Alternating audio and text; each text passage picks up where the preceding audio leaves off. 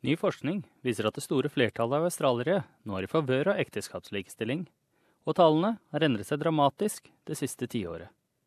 Det kommer idet debatten igjen blusser opp over problemstillingen, og truer med å forårsake en splitt i regjeringen.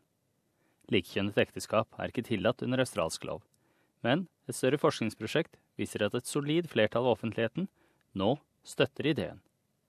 Den årlige studien av husholdning, inntekt og arbeidskraft i Australia har sporet den økonomiske og sosiale situasjonen for mer enn 17 000 personer siden 2001.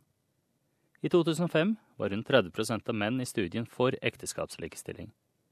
Over et tiår senere har dette antallet nå steget til nesten 60% idet unge menn leder an og er for endring.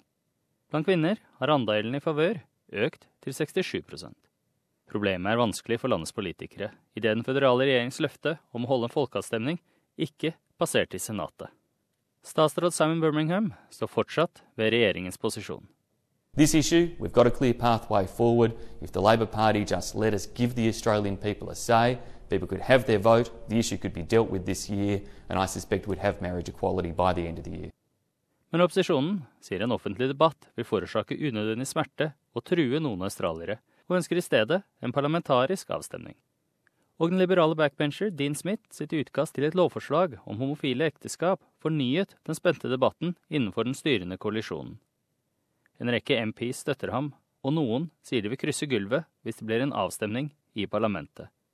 Den tasmanske senatoren Erika Betz, som motsetter seg forslaget, har fortalt ABC at hvis parlamentsmedlemmer stemmer mot sitt eget parti, kan det true autoriteten til regjeringen. Voting against your on a procedural matter which denies the government the capacity to control the order of business in the House. That is a grave matter. Now, if a piece of legislation were to come up before the House at the government's request and behest, then, of course, the right to cross the floor on that particular measure is uh, part and parcel of what we in the Liberal Party believe in. But to deny the government the right to be able to control its agenda on the floor of the House is uh, something that would be a very grave matter indeed. Kontroversen påvirker også statsminister Malcolm Turnbulls ledelse. Deler av koalisjonen ber om en frivillig, uforpliktende folkeavstemning for å løse stillstanden. Men Labour frontbencher Penny Wong har avvist denne ideen på ABC, og sier at det er på høy tid at regjeringen behandler likekjønnede ekteskap en gang for alle.